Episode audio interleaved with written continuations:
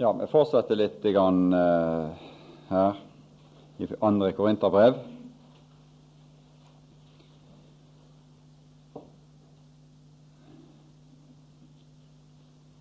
De midler som Gud tar i bruk for å komme oss i møte i vår tid. Det middelet heter forkynnelse. Og det er det som Paulus sier her.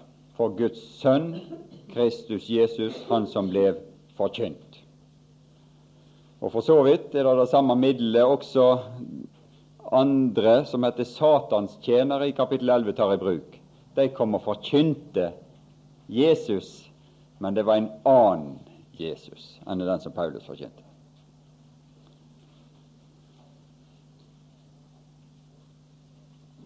Og vi ser at denne forkynnelsen, eller dette hadde på en måte ført når Paulus hadde vært, kommet i et møte Han, han søker å dra kan du si, sine tilhørere med seg i det samme møtet med Gud som han sjøl har hatt. Og ut ifra dette her, han legger Det står i kapittel 10 og i vers 2 i, i, i vers 4, unnskyld. Da står det at våre stridsvåpen er ikke kjøtelige, men mektige for Gud. Altså Han legger på en måte de stridsvåpen, den forordning som Gud har gitt, den legger han tilbake, på en måte tilbake i Guds hånd. Sant? Og så sier han at det er Gud som skal stride. Det står tall om en skatt her i, i Lerkar i, i eh, kapittel 4. Og Hvis du leser om Gideons menn, så skulle de innta en by, en overmektig by, i Dommernes bok. Og så, så uh, sa Gud at ja, det skal de gjøre på den og den måten. Sant? De skulle ta dette lyset som de kjenner til inni denne leirkrukka og sånne ting, og, og, så skulle de rope ut utafor byen der. Det er jo en aldeles vanvittig måte å innta en befesta, sterk by på. Men det var Guds forskrift, det var Guds vei. Og, som, så, gjorde de dette her. Og så står det, står det da i Dommernes bok at da var det Gud som skapte forvirring der inne i byen. Så de begynte å på, eh, se på hverandre og, og trodde det at det var, eller forsto det slik at det var en overmakt. Det var Gud som ordna opp når de handla etter det som mønsteret og etter den strategi, om du kan bruke et sånt ord, som Gud hadde foreskrevet for dem med dette leirkaret som skulle knuses, og så sa lyset som skulle sjå, de skulle komme med sine rop imot byen. Så la, var, var dette våpenet, dette, den situasjonen, var mektig for Gud til å bryte ned fienden til Gideons menn i, i, i eh, Dommernes bok. Så, så det, og det er det samme som her. Liksom Her skal dere ord hamle opp med alle disse mestere i filosofi og i, i, tankekraft og i tankebygninger og sånne ting, som reiser seg imot denne kunnskap om frelse og fortapelse. Denne enkle budskap om at ved tro blir du frelst. Og vil du fortsette i din vantro, så går du fortapt. Og så utformes det alle slags lærer som, som forsøker å, å, å, på en måte være en festning imot enk, dette enkle eh, endeframme budskap. Men vi må holde fast ved dette her, og så er det Gud som skal på en måte gjøre jobben. sant? Våre stridsvåpen er ikke kjøtelige, men de er mektige. Ja, ikke for meg, men de er mektige for Gud. Det er Gud som skal inn og omstyrte festningsverker og det er ved dette at vi omstyrter disse her tankebygninger av enhver høyde som reiser seg imot kunnskapen om Gud, og tar enhver tanke til fange under lydigheten mot Kristus. De er mektige for Gud. Så, så liksom, eh, og Paulus ønsker å liksom føre oss inn i dette samme forhold.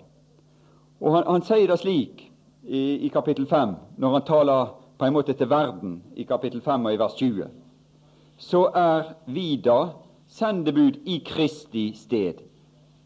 Som om Og det er ikke mindre enn det som står her.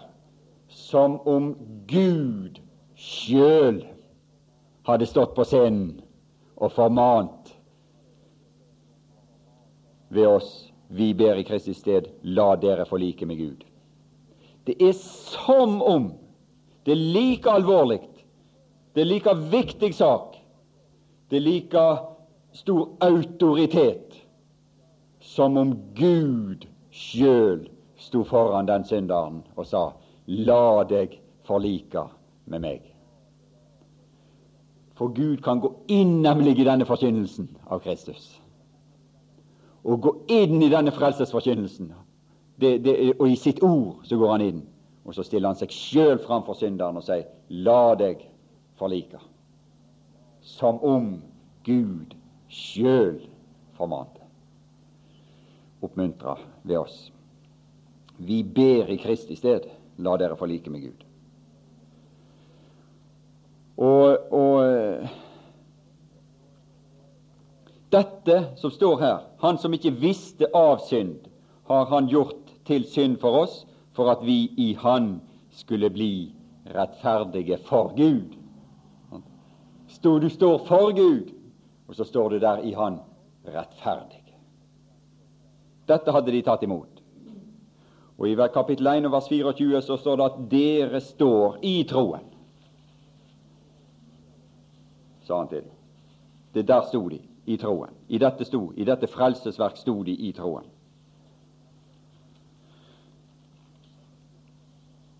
Men så sier han i, i kapittel 6 og vers 1 men, sier han, men til, til disse.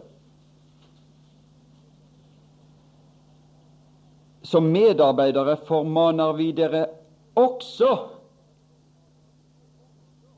Altså Det er ikke bare i kapittel 25 som er formaninga. Altså Som om Gud selv formante ved oss. Det er formaning. Men her kommer en ny formaning til de som har latt seg formane i, i, i kapittel 5 og vers 20.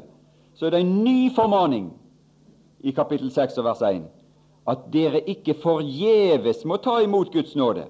For Guds nåde er dette her, her at Han som ikke visste av synd, han ble gjort til synd for oss, for at vi han bli skal bli rettferdige for Gud og stå rettferdige for Gud. Det er Guds nåde. Alt dette er av Gud. Det er Guds nåde alt dette her. Men det står at dere ikke, vi formaner dere også at dere ikke forgjeves må ta imot Guds nåde.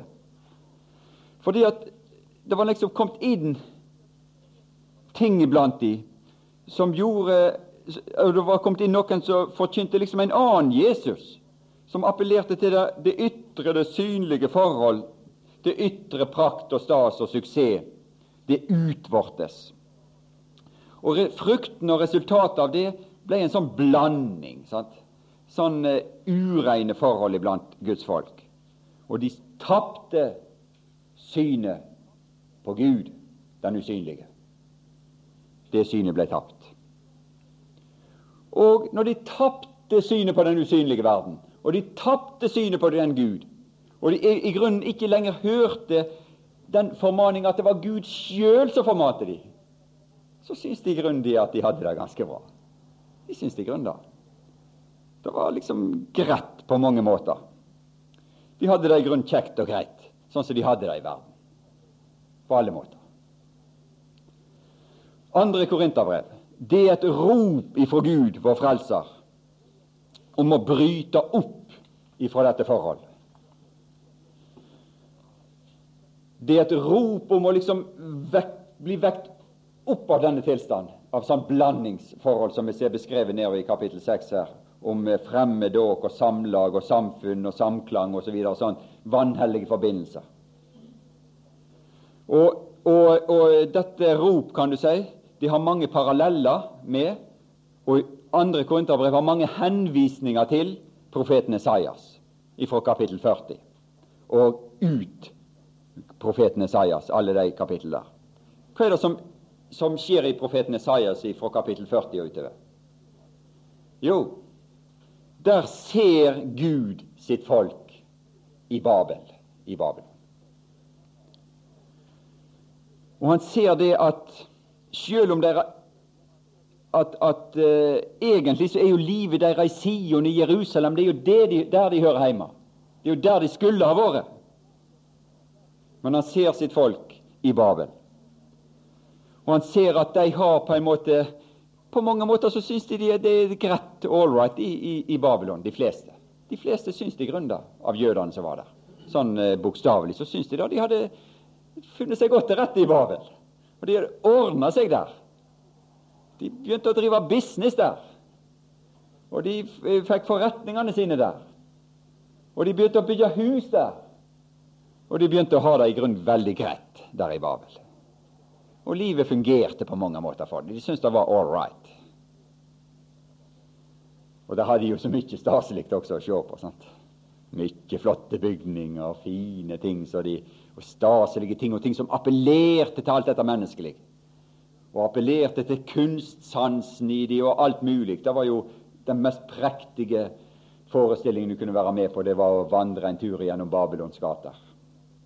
Og utafor der hadde de ordna seg til. Men selv om de var treler og egentlig hørte hjemme i Jerusalem, og egentlig var det en annen som var herre over dem, så liksom la de ikke merke til det. Så hører de et rop ifra all trøsts Og vi skal komme tilbake til hva det ordet trøst egentlig betyr.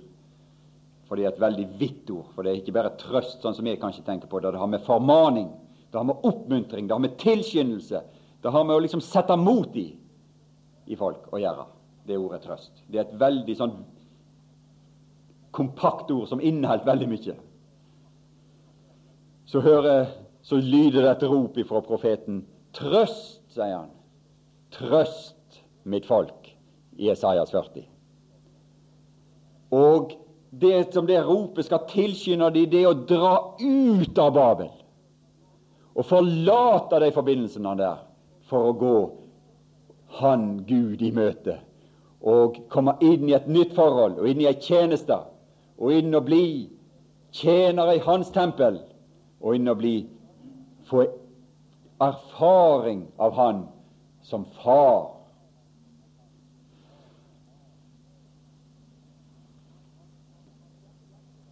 Han har et hjertelag for dem. Han har en miskunnhet for dem der i Babylon. Og han ser dette folk at på tross av at de på mange måter, de fleste av de syntes det var ganske bra der, så har han likevel en hjertelag for dem og får de, de ut av dette. For han ser at det liv og de omstendigheter de lever i der, det er under dom. Gud ser den saken. Dette skal utryddes, dette skal bort. Ingenting av dette her skal bli igjen. Deres liv på en måte går tapt hvis de blir værende der. Deres liv som hans folk, på en måte, eller livet som tjenere for Han går tapt hvis de skal fortsette i disse vanhellige forbindelsene som de hadde involvert seg i der. Og Så har han et hjertelag for dem, og så kommer de i møte, og så kaller han på dem og så sier at dra ut av disse tingene, forlat disse tingene, og så begi dere på vei til Jerusalem, der det egentlig hører hjemme. Hva var det mellom Babylon der og Jerusalem der? Ei stor og forferdelig ørken. Med sand og glødende, steikende sand og stormer. Og plutselig kunne himmelen skye til, og det kom ei forferdelig uvær, så, som uh, ei elv raste opp og liksom kunne rive de med seg uti der. Og det var, det var all slags sånne eh, klunger og kratt, og det var i de forholdene der så kan det være djupe slike kløfter, uoverstigelige kløfter. og Der er det, var, det, var det liksom høyder de måtte over når de skulle bevege seg i retning Jerusalem, der de hørte hjemme. Men men han gav de løfter. Hvis de bare ville bevege deg ut, så skal de se. Skal de se hva Gud kan greie.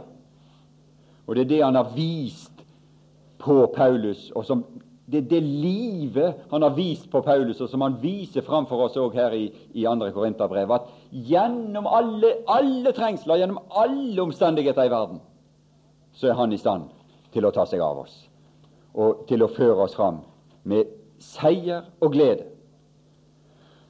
Og, og hvis vi leser der litt i, i eh, profeten Esaias.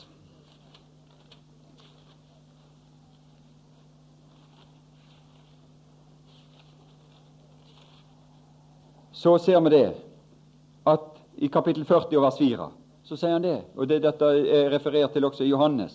Hver dal skal heves, hvert fjell og hver haug skal senkes. Det bakkete skal bli til slette, og hamrene skal bli til flatt land. Gud skal lage en vei for deg gjennom dette her. Frykt ikke for ørkenen, står det lenger ute. Frykt ikke for dens farer. Frykt ikke for dens eh, trengsler.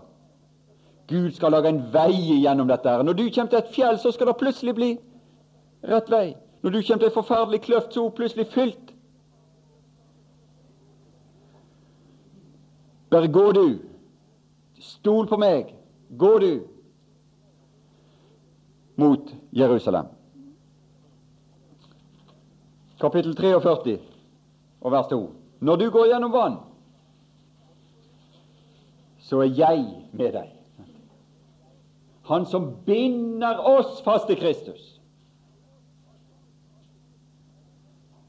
Så han er der. Og gjennom elva Ja, har Gud peiling på vann? Ja, han hadde jo vist historien, sier han. Sjå tilbake om jeg har peiling på vann. Sjå når jeg sto ved Det røde hav, hvordan jeg gjorde det. Tror du jeg kan beherske den slags ting? Kan ikke jeg bare pløye vannet vekk, og du går igjennom? og likeens der ved Jordan. Og gjennom elver så skal de ikke overskille deg. Og når du går gjennom ild Han har vist det. Skal du ikke svies. Ser du det Daniels tre venner? Sant? Der, ikke, der, der det at det, det lukta ikke engang svidd av klærne på dem når de kom ut av ildovnen. Det eneste som brant opp der, det var båndene som Nebukadneser hadde bundet dem med. De forsvant. De gikk løse og ledige omkring inn i ovnen. Men det var ikke svilukt av klærne der. Det er Gud. Når du går gjennom ild, skal du ikke svies, og luen skal ikke brenne deg, for jeg er Herren din Gud, Israels hellige, din frelse. Og han skal, han skal gjøre alt for deg. Det er mange sånne, Hvis vi leser utover her, så er det veldig mange denne typen beskrivelser, kan du si av, eh, av, av denne art. De lider ingen tørst. Gjennom ørkenen fører han dem. Vann av klippen lar han rinne for dem. Han kløver klippen, det flyter vann. Det er det løftet de har i kapittel 48 og vers 21. Hvis de vil i vers 20 dra ut av Babel og fly fra dette her. Og denne oppmuntring, dette, her skal, dette skal forkynnes med jubelrøst. Altså, de, de, skal ut der, og du, du, kan, du kan, gå trøstig, leie trøstig vei med jubel. Og bryte de forbindelsene du har i Babel alle de vanhellige forbindelser. De kasta på båten alle disse avgudene og stjernetydere og alt dette her, eh, greiene som de hadde involvert seg i i Babel. Og I stedet for et klungerkratt, står det her, så skal, det skal du møte sypresser. Så liksom Når du ser, du ser liksom et tett klungerkratt der, så plutselig er det omgjort til en skog med sypresser. Så er det lenger uti her, kapittel 55. Alt dette som de hadde, det skulle ødelegges, dømmes, tas bort. Men de skulle få oppleve at den levende Gud var i stand til å føre dem gjennom og til seg. Og i Jesajas 51 der så står det i vers 3 at Herren trøster Sion trøster alle dets ruiner og gjør dets ørkenen, ørken lik Eden. Lik Eden. Det var en hage der. Ørkenen er blitt en hage i samfunn med Herren, og gjør og dets ødemark lik Herrens havet. Fryd og glede skal finnes der. takksigelse og lovsang. Dette makter Gud å gjøre. Bryt ut i jubel og juble alle sammen, dere Jerusalems ruiner. For Herren trøster sitt folk, han gjenløser Jerusalem. Det er på en måte denne trøsts Gud, hva han kan, kan, hva han kan makte på en måte mot oss her i verden, om vi vil følge hans vei. Det har han demonstrert på Paulus, og det ser vi her. Denne enorme fylde av glede og jubel og seier som, som møtte han på tross av alle vanskeligheter i omgivelsene, når han ville gå Guds vei. Han var vel til mote i alt. Han var overvettes rik på glede under all trengsel, står det i kapittel 7 og vers 4. Han kaller oss altså ut av verden, ut av alle vanhellige forbindelser, ureint samrøre og samarbeid med vantro, og han kaller seg til seg, sitt tempel, sitt hus. Og det gjør han utelukkende ved sitt hjertelag, ut ifra sitt hjertelag og sine egenskaper, er det at han lar rope ut dette herre trøst, trøst Jerusalem. Og han fører på en måte inn for de her i Jesajas 40 eh, og utover det han fører fram for dem, til, til å gjøre denne gjerning iblant dem, det er han som blir kalt for Herrens tjener. Altså han, han, han fører inn iblant de en Herrens tjener. Det er to slags tjenere her i Esaias 40 og utover. Det er en som blir kalt for Herrens tjener. Men så blir også Jakob og Israels folk kalt for Herrens tjener i neste nu og i samme øyeblikk. Men det er en viss sånn, fors eh, sånn forskjellsbeskrivelse på det. altså. Det, det, er jo det. Og det, det for, for når, når, han beskriver Jakob eller Israel som Herrens tjener, så er det behengt med fullt av svakheter og mangelfullhet. Men likevel så er det noe velbehagelig for Gud med dem. Likevel så har han noe av, av sitt velbehag i dem. For, for, han på en måte, han, Men han har ført sin egen tjener. For å skape disse frukter i deg, så har han ført inn sin tjener, som han har velbehag i iblant deg. Han, han eh, taler litt om det her. i kapittel 42 i profeten Esaias. Det var, et, det var noen rare tjenere. Dere, I vers 18 står det 'Dere døve, hør', og 'dere blinde, lukk øynene opp og se'. Hvem er blind uten min tjener? En blind tjener. Ja, ja. Men han har satt litt tidligere her i det samme kapitlet så har han talt om en tjener som skal åpne blindes øyne som vi skal sjå. Om vi, vil la, om vi vil la oss betjene av Hans tjener, så skal vi bli sjående tjenere, vi òg, om vi i utgangspunktet er blinde.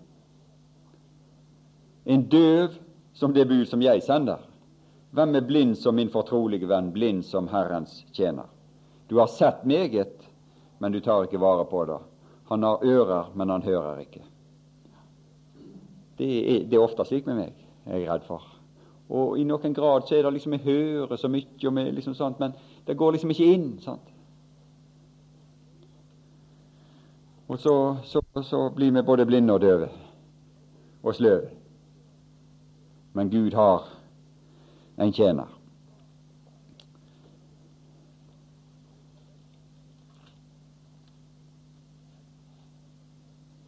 Du har eh,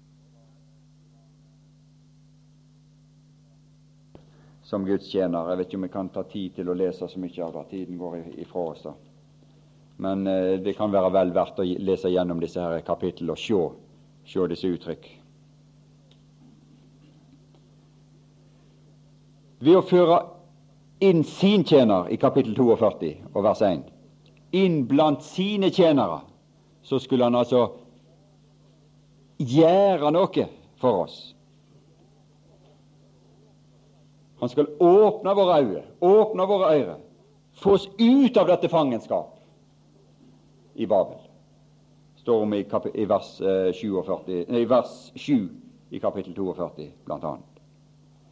Det skulle skje noe med dem når han kom. Og du har han her. Se, sier han i kapittel 42 og vers 1, se min tjener, som jeg støtter, min utvalgte, som min sjel har velbehag i.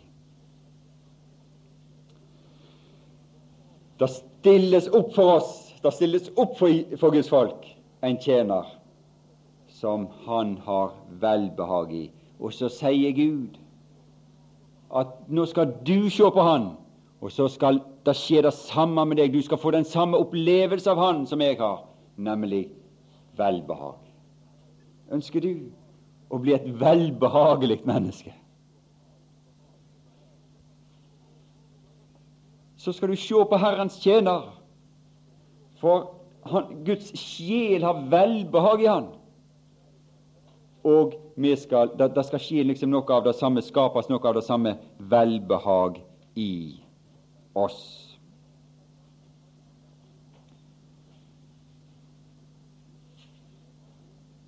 Han er hyrden i kapittel 44 og i vers 28. Han er min hyrde. All min vilje skal han fullbyrde. Det er det vi ser. Nå, nå bruker Gud en, en, eh, konge som heter Kyros, en persisk konge som heter Kyros, til å beskrive en del av hans tjener, ikke alt. For han, han kan ikke bruke Kyros når han kommer ut i kapittel 53. Da har han forlatt Kyros som et bilde. Men her bruker han Kyros. Og, og, og, den måten Kyros var konge og keiser på i, i, uh, i uh, Persia. Å, og det var jo han som kom inn og, og på en måte fridde jødene ut av Babel, sånn rent, rent konkret, og gav de mulighetene til å reise tilbake. Det, det verk utførte Gud gjennom sin tjener eh, Kyros. Han er min hyrde, all min vilje skal han fullbyrde. Men det er klart at denne tjeneste her og denne tjener her, det, jo, det, det, løftes jo videre fram imot Kristus. Det er jo han som er tjener. Han er min hyrde. Han er seierherren i alle forhold i kapittel 48.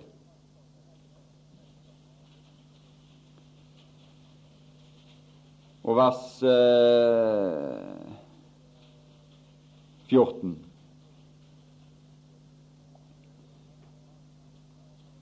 Han som Herren elsker, altså Kiros, tjeneren, han skal fullbyrde hans vilje mot Babel og vise hans makt mot kaldeerne. I alle ting han foretok seg, skulle han ha lykke. Han gikk fram med visdom, står det her. Denne tjener er da, som i kapittel 49 blir til spott og til spe. Han eh, som vekker folks avsky, som det står om i, i, i vers 7, og som blir forakta av hver sjel. Men det er denne som blir forkasta og forakta på den måte. Det er denne som Gud har velbehag i, og som Gud fortsatt har velbehag i.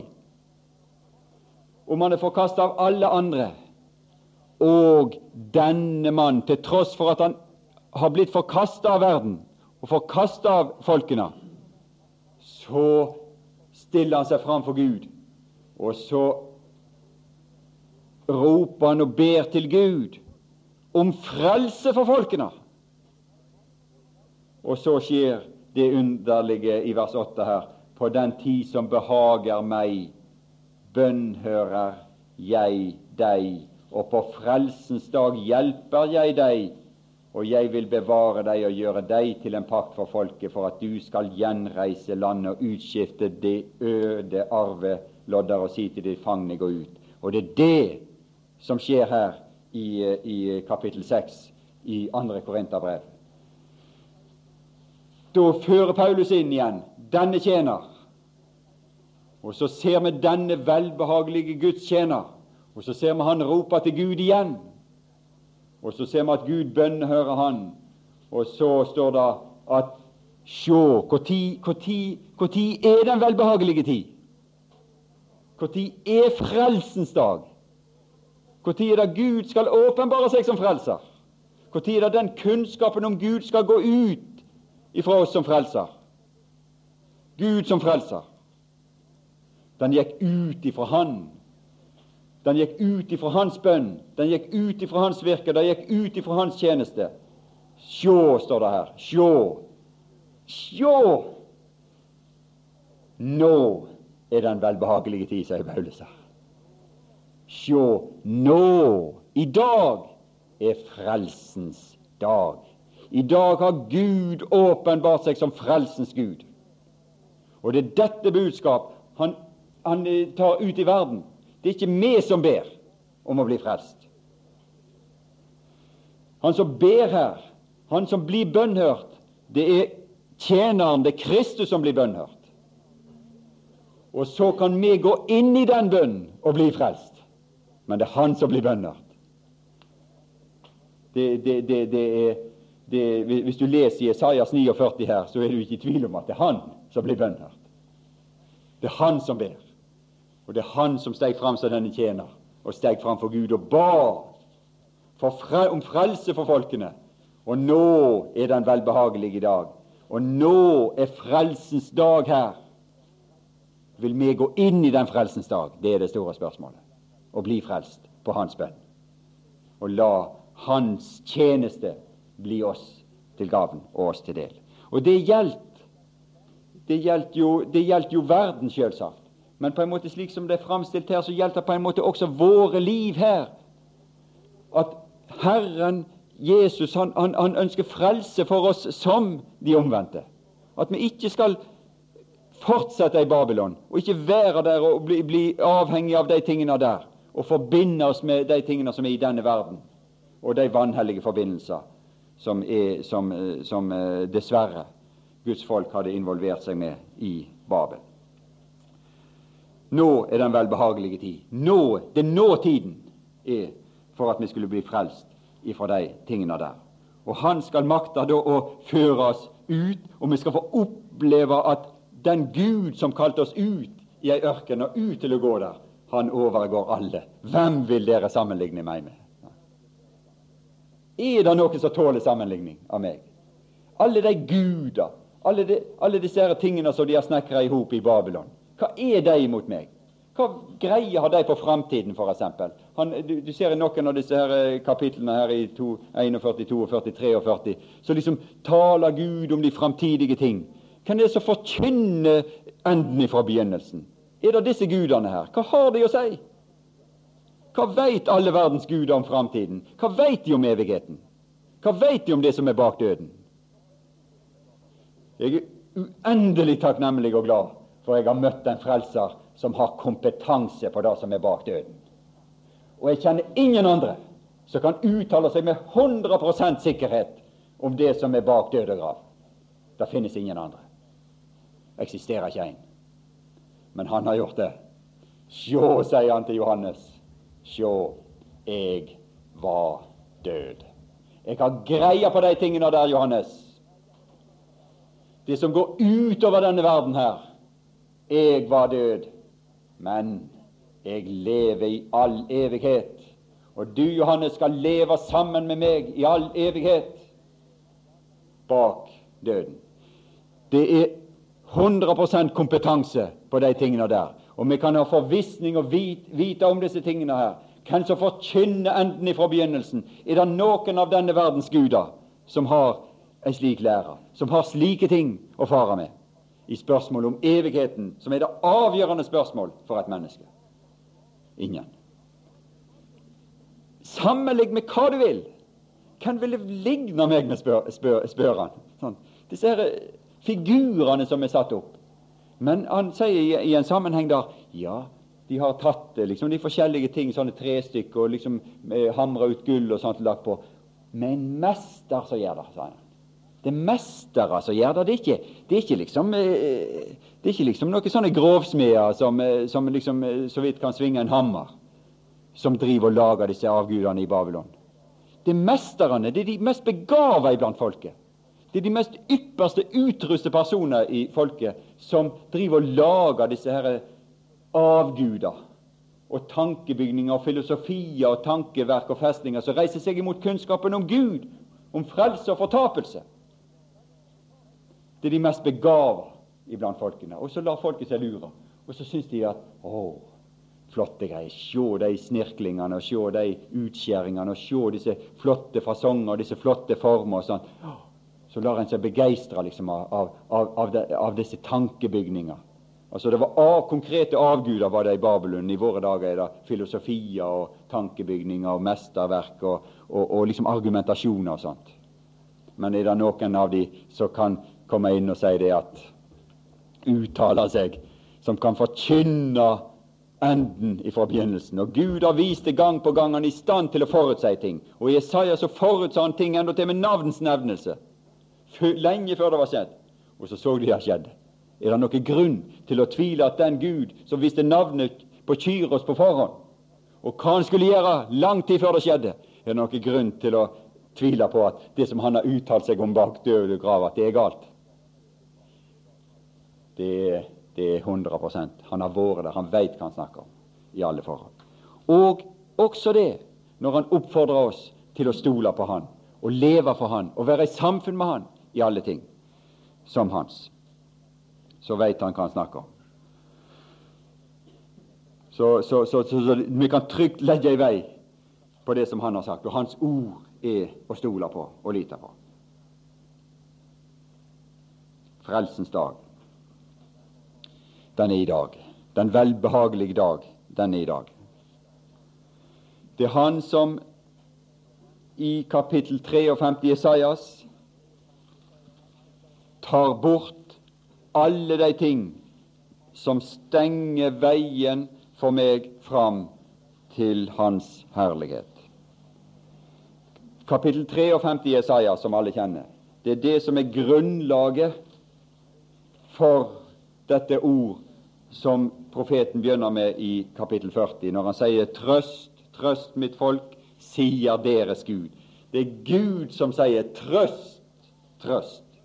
Tal vennlig til Jerusalem, og rop at dets strid er rent, at dets skyld er betalt, at det av Herrens hånd har fått dobbelt for alle sine synder.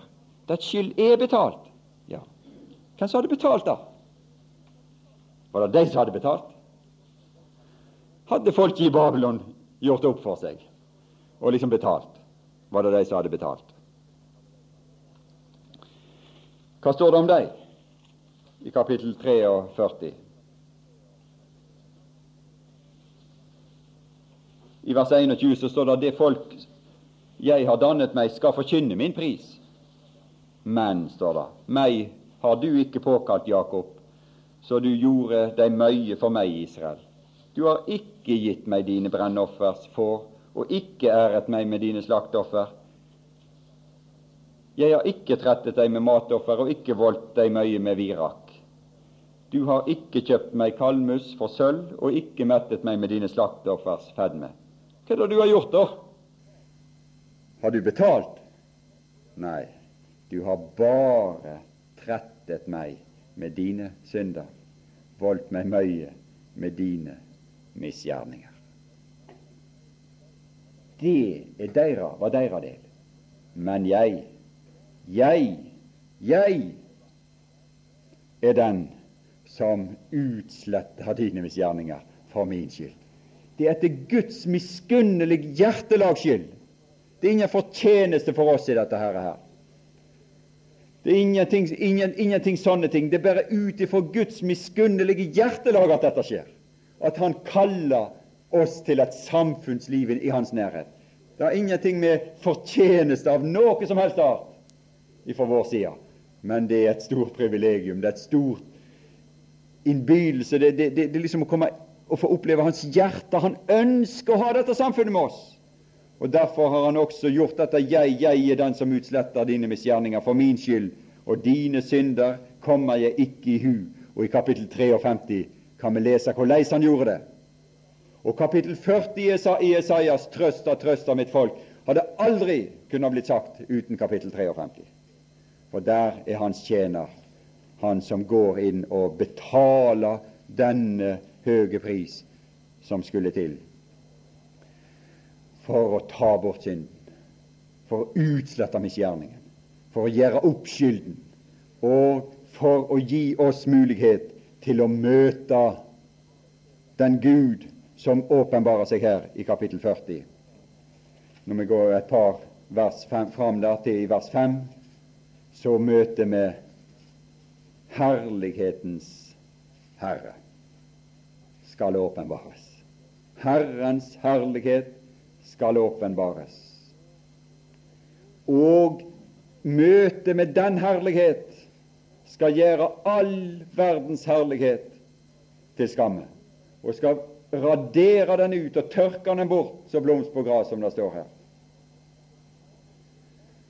Herrens ånd, det står det her, skal blåse.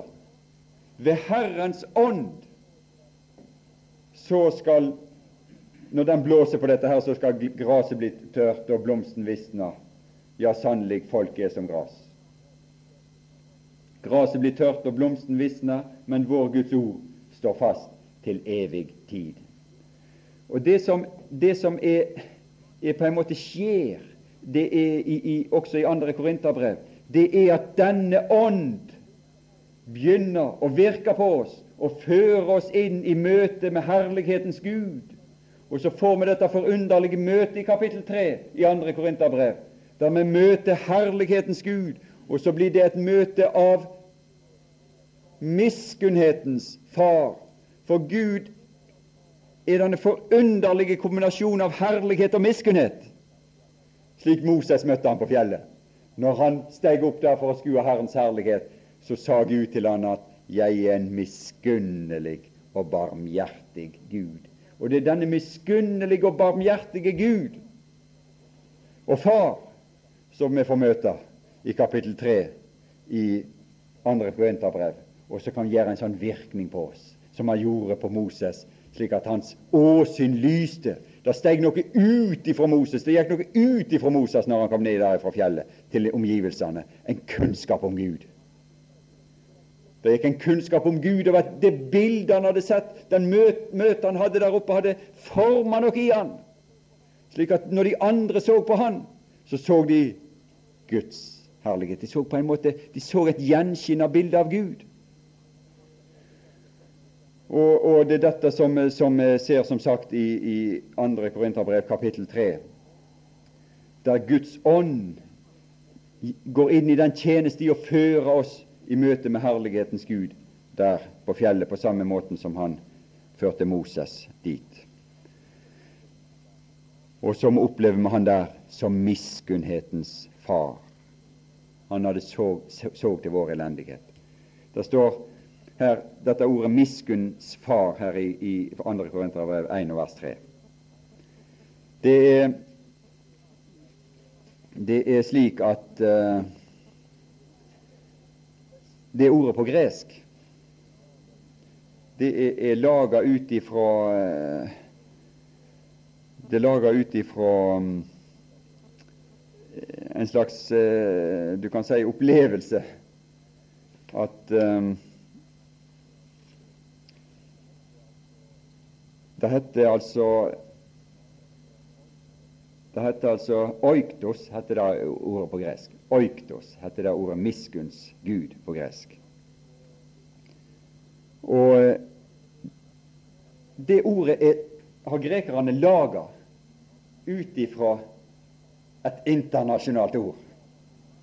Hvis du som far eller mor ser f.eks. Eh, barnet ditt Det har gjennom spronje eller liksom på veien og, sånt, og dotter, og så ligger det der. Sant? Opp, litt oppskrapt og litt sånn forslått og litt sånn eh, elendig forfatning. Kanskje det har kommet ned i sølet og sånne ting i tillegg. Sant?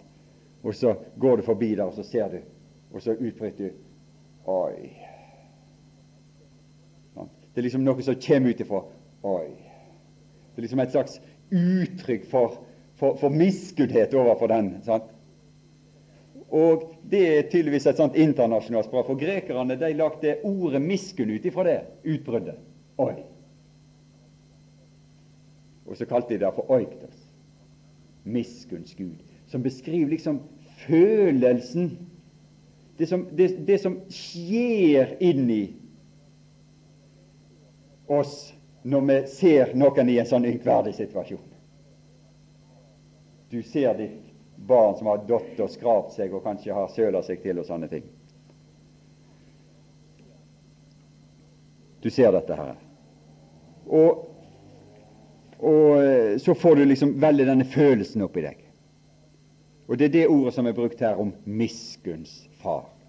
Og Du kunne igjen lese litt i forskjellige plasser i Det gamle testamentet når han ser liksom sitt folk og ser den elendige situasjonen og ser på menneskene så er det noe av dette som skjedde i Gud. Det hender av og til, liksom, hvis jeg går forbi sånne eh, alkoholikere og sånne litt forskjellige forkomne folk som bor ikke så langt ifra meg der som jeg bor i Bergen, at du får noe av denne følelsen i deg. Men jeg går bare forbi, jeg, og så blir det ikke noe mer med det. Men Gud gjorde ikke det. Han kunne jo latt det være med det følelsesutbruddet. sant? Miskunns Gud kunne jo ikke latt være med det utbruddet. Men miskunns Gud, han tok opp denne Herre og begynte å behandle denne situasjonen. Og så førte han vedkommende inn til seg, tok, tok vedkommende opp til seg og begynte å rense sårene. Ta seg av sårene, ta, ta, seg av den elendige situasjonen. Rense bort all uømskheter. Og, og liksom behandle og pleie den saken der. Og så førte han, førte han, han, han oss som, som, lå der, inn til seg og i møte med seg. Og så får vi den Han tok seg av oss. Og så får vi den situasjonen som Paulus beskriver i kapittel 4 av vers 1. Derfor, da vi har denne tjeneste ettersom vi har fått miskunn. Og det er et annet ord på gresk som beskriver på en måte handlingen som følger etterpå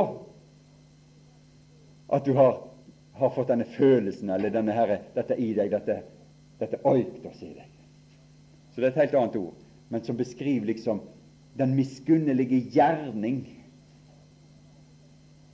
Og der har Paulus opplevd det, at Gud ikke bare viste følelser overfor han, men han tok seg av han og handla med han og tok han inn til seg og gjorde noe med hele hans situasjon og løfta han opp der. Vi har fått miskunn. Miskunnhet, miskunns far har tatt seg av oss. Han gikk til aksjon, og han handla. Og eh, det vi ser her, det det dette her i kapittel 3 så jeg, jeg, vil ikke gå inn på det nå. Eh, det kjenner jo den historien som er referert til her i kapittel 3, om, om denne herlige tjeneste, om denne åndens tjeneste som skal være en mer være i herlighet. Der Paulus refererer til det som skjedde med Moses når han skulle se, ba om å få se herlighetens Gud, og så fikk han komme opp der, og Gud åpenbarte seg der som en Gud full av miskunnhet og barmhjertighet. Jeg er miskunnelig og barmhjertighet full og rik på sånne ting. Og så ser vi at det skjedde der i, i dette møtet med Gud, så skjedde en forvandling med Moses. Slik at En forvandling som ble synlig for omgivelsene. Når han igjen kom ned, steg ned av fjellet og inn iblant folket, så så, så, så de det at det var, det var skjedd noe med han. En synlig forvandling. Men dette her var en herlighet som, som forgår det som var i hans ansikt. Det var noe som, som, som ikke blei og varte ved og derfor la han også et dekke over sitt ansikt, og, og, øh, for at de ikke skulle se enden på den herligheten. Det som svant. Men så står det om arten av, av, av øh, dette her Når vi går inn der, vi som med utildekket åsyn skuer Herrens herlighet som i et speil. Og Jeg kan ikke skjønne annet enn at dette speilet her, det er evangeliet. Ut ifra den ut ifra den sammenheng som står det her, så står det i, i kapittel 4 og 3 er det enn vårt evangelium. Vårt evangelium. Det er, det er, er liksom det er gjennom evangeliet, det er gjennom forkynnelsen av Kristus, det er gjennom åpenbarelsen av Kristus, kan du si, i evangeliet, at vi skuer Herrens herlighet som i et speil. Og så skjer det en underlig ting. Det skjer en forvandling med oss. Vi blir forvandlet, står det her, til det samme bildet. Hva slags bilde er det?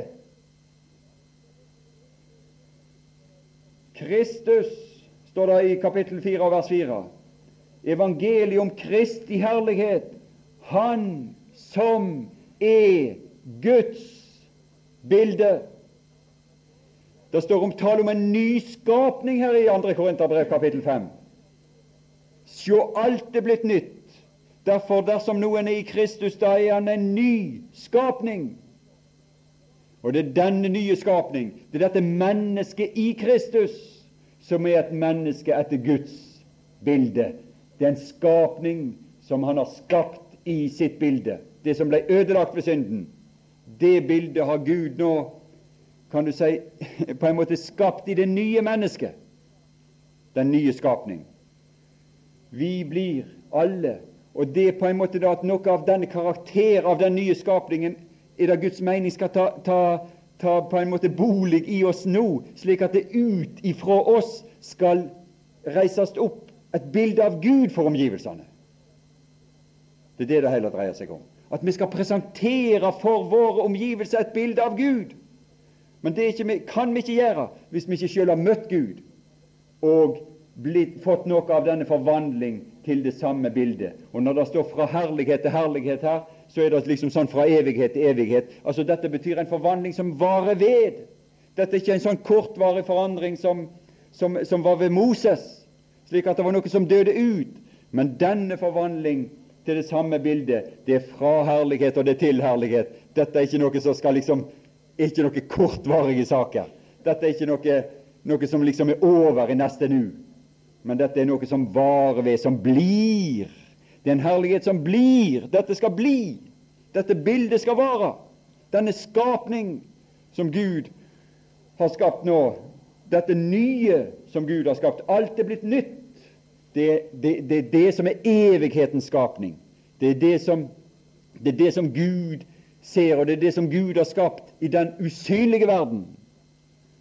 Det blir det fra herlighet til herlighet. Det blir. Det er akkurat som fra evighet til evighet. Det er, liksom det, for, det, for, det for, å fortelle liksom at det varer, det blir. Det er derfor det er brukt det uttrykket fra herlighet til herlighet. Som av Herrens ånd. Som av Herrens ånd. Altså Ånden på en måte er det som formidler Herren til oss gjennom evangeliet gjennom evangeliets forkynnelse. Derfor, da vi, så sier han da vi har fått denne tjeneste. Altså, I dette møtet så ble også Paulus omdannet til en tjener. Sånn. Skjedde, han også ble en tjener, ettersom vi har fått miskunn. Altså Han hadde vært der og møtt miskunnhetsgud og blitt behandla av Han og herlighetens Far, så taper vi ikke motet, men vi har sagt oss løs fra alle skammelige snikveier og farer ikke fram med list, heller ikke forfalsker vi Guds ord, slik som det ble gjort i kapittel 2 og vers 17, men ved å kunngjøre dere sannheten. Altså ikke noe falske bilder av Gud, men de ekte bilder av Gud. Ved å kunngjøre dere sannheten anbefaler vi oss til alle menneskers samvittighet for Guds åsyn. Altså når du står der Du skal være innenfor Guds åsyn når du anbefaler deg til andre mennesker. Så skal det være som for Guds åsyn. Det er noe å tenke på for meg og deg det når vi oppholder oss iblant andre mennesker. Så skal vi være liksom alltid bevisst at vi er for Guds åsyn. Da vil, det, da vil det automatisk Ikke automatisk, altså, men det vil i hvert fall virker på oss. Det vil gjøre en virkning på oss, og det vil ha en virkning utad.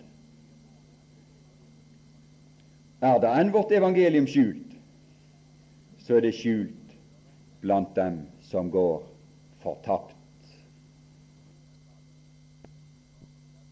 At Gud åpenbarer ved deg sin kunnskapsduft på ethvert sted, for vi er en Kristi vellukt for Gud blant dem som blir frelst, og blant dem som går fortapt.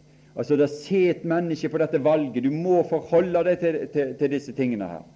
Og så er det slik at er det enn vårt evangelium skjult, så er det skjult blant dem som går fortapt, i hvem denne verdens Gud har forblindet de vantros sinn, for at lyset fra evangeliet om Kristi herlighet, Han som er Guds bilde, ikke skal skinne for dem.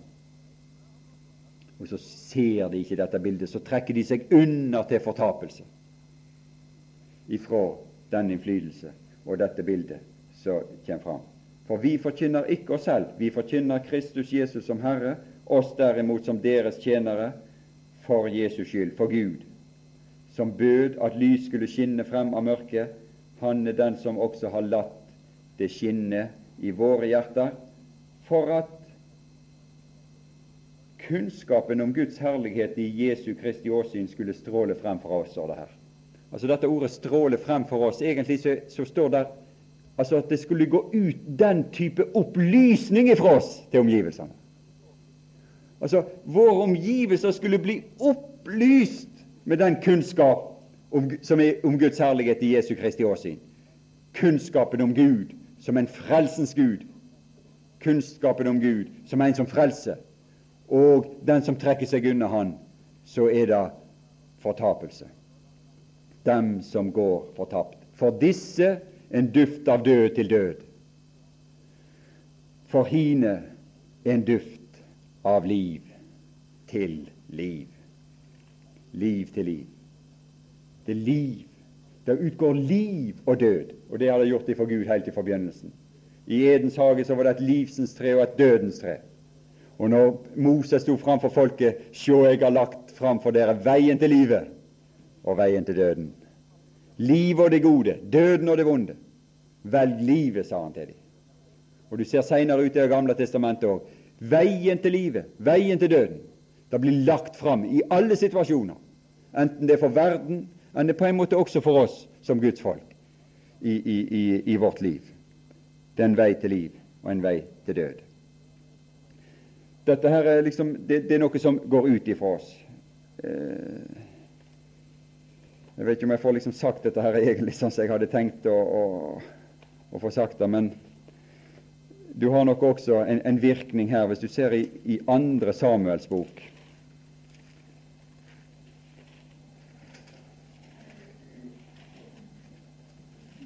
Så står det om David.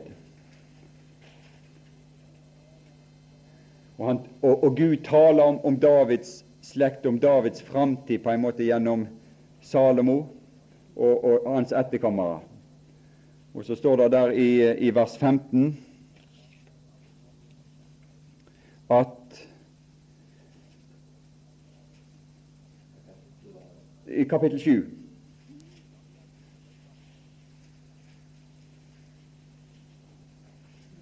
Ja, altså det, det, det er mye jeg kunne lest nedover der, men det står her at uh, i vers 15 Han sier hva han skal gjøre framover. Og så sier han i vers 15 der i 2. Samuels bok kapittel 7 at men min miskunnhet skal ikke vike fra han. Den skal bli. Og så står det i vers uh, 16 Fast skal ditt hus og ditt kongedømme stå til evig tid for ditt åsyn. Din trone skal være grunnfestet til evig tid. Alle disse ord og hele dette syn bar Natan fram for David. Da, da gikk kong David inn og ble der inne for Herrens åsyn. Så Se den virkningen dette budskapet om den miskunnelige Gud hadde på han. Han gikk inn, og så blei han der inne for Herrens åsyn. Og så var han overveldet av denne Gud. Og så lærte han seg der inne at vel, du som har sagt dette, Herre, utfør det du har sagt. Han fikk tillit til at der inne innenfor Guds åsyn så fikk han tillit til at Gud var i stand til å gjennomføre det han hadde sagt. Han fikk full tillit til Gud. I vers 25.: Så oppfyll nu, Herre Gud, for evig tid det ord du har talt over din tjener og hans hus, og gjør som du har sagt. Da skal ditt navn bli stort til evig tid. Så folk skal si Herren, herskarenes Gud, er Gud over Israel. Og så ble det noe på han. Det er noe å være med i dette forhold. Og denne miskunnhet som David opplevde, og når han blei der inne for Herrens åsyn, den miskunnhet skapte også en miskunnhet i han. Så blei han en slik tjener i kapittel 9. Så ser vi det at ja, kan jeg vise miskunnhet, like som Gud har vist miskunnhet mot meg? Kan jeg vise miskunnhet mot noen? Så kan jeg gjøre vel, står det imot noen der i, i, i vers 9. Og han taler her, her nede om, eh, om eh, å vise Guds miskunnhet, står det i vers 3. Er det ikke noen tilbake av seilshus så jeg kunne gjøre Guds miskunnhet mot Han? Ja, men hvor har du lært om Guds miskunnhet, David? Jo, han hadde vært innenfor Guds åsyn og lært det der. Gud hadde talt dette til han i, i kapittel 7 og vers 15. Men min miskunnhet skal ikke vike fra han. Så jeg kan gjøre Guds miskunnhet imot han. Og så kom Mefiboset der. Og så blei Mefiboset, står det i vers 13 her, så blei han boende alltid ved kongens bord. Han blei værende der. Guds miskunnhet har denne varige karakter. Sant? Han blei værende der. Han blei helt sikkert værende der inntil de bar han ut og la han ned i jord. Så ble han værende der ved kongens bord, for han viste Guds miskunnhet imot han. Det er den handlende på en måte Det at han ble vist Guds miskunnhet, det, det, det ble handling i hans liv ut av det.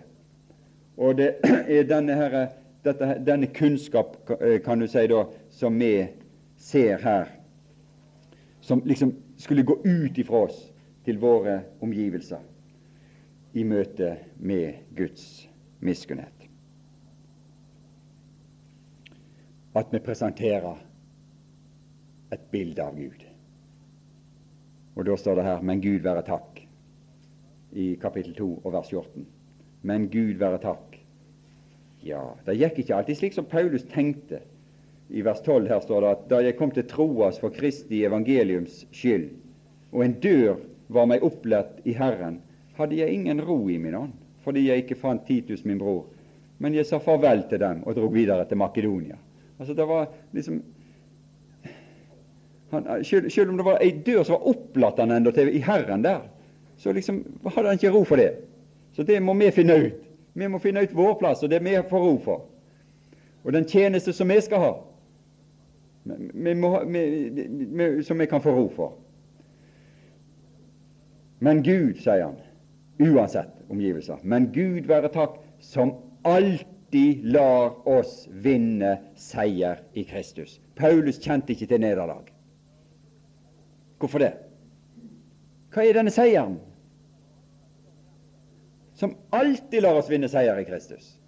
Ja, var det det at alt liksom la seg flatt foran der han for fram? Langt ifra men det var det at kunnskapen om Gud gikk ut ifra han, og det medførte at alle av hans, hans omgivelser måtte ta et standpunkt, enten til frelse eller fortapelse. Og det er da denne seieren, tror jeg, her går ut på, som alltid lar oss vinne seier, og ved oss åpenbarer sin kunnskapsduft. Vi har jo denne duften som, som bredde seg i huset, og som fylte opp huset, som gikk ut ifra Kristus. Men så det var ei kvinne som hadde liksom utøste over Kristus, så gikk det en duft ut ifra Kristus-omgivelsene, og så måtte alle forholde seg der. Det var ingen som liksom uh, var der inne som ikke kjente den duften. Og på en måte det er det som er tanken her òg, at, at, uh, at, uh, at, det skulle utgå en duft ifra oss til våre omgivelser om frelse, om fortapelse. I vårt nærmiljø, eller der vi er, eller utover, for så vidt utover den ganske verden, for at evangeliet skulle utbre seg, som det står her, til dess flere. Og hvem er vel duelige til dette, ja? står det spørsmål. Hvor liksom, er det sånn at, liksom, at, det er noe som har tatt oss til dette her? Langt ifra. Langt ifra. Vår duelighet er av Gud. Det er en utelukkende 100% nåde å forstå i dette forhold. Og det var det for Paulus. Og det er det for meg og deg, det lille vi måtte kunne få gjøre for han og være hans tjener. Så det er utelukkende og 100% ut ifra Guds miskunnelige hjertelag det skjer. Aldri, aldri er det noe ære liksom som, som, eller noe jeg har tatt, eh, tatt, eh, tatt, meg til, eller du har tatt deg til. Men det er Han som gjorde oss duelig til dette. Derfor er det også Han som skal all, all, ha all ære. Men det er ganske klart det at når du liksom er sammen med den som får æra, så på en måte blir det noe for deg òg, når du er sammen med den som får æren. Men det er Han som all æra skal ha. Ja, men jeg tror vi må slutte bare der. Jeg, eh, det var gjerne litt sånn, sånn rotete framstilling, dette her, men jeg skal prøve litt, å si litt om det som har også med all trøsts Gud å, gjøre i, i morgen. Og vi vil takke deg, vår Gud og vår Far, at du kom inn i våre liv. Det, det er en ufattelig nåde, det er en ufattelig sak at vi fikk møte deg, at du tok hånd om oss, at du viste din barmhjertighet imot oss, og at vi fikk komme inn i ditt samfunn og bli frelst. Fikk høre din stemme, Gud, og din røst, Gud, om frelse i din sønn om det du hadde gjort, og at du, Herre Jesus, kom. Og eh, vi kan ikke forstå hvor vi hadde vært i dag hvis ikke du hadde møtt oss, og hvis vi ikke hadde fått leve i, i disse ting og i den, dette forhold. Det, det vet vi ingenting om, men vi skjønner og får, får av og til opplevelse av for en ufattelig fordel og for en for en glede og en lykke det å ha kommet i samfunn med deg, Herre.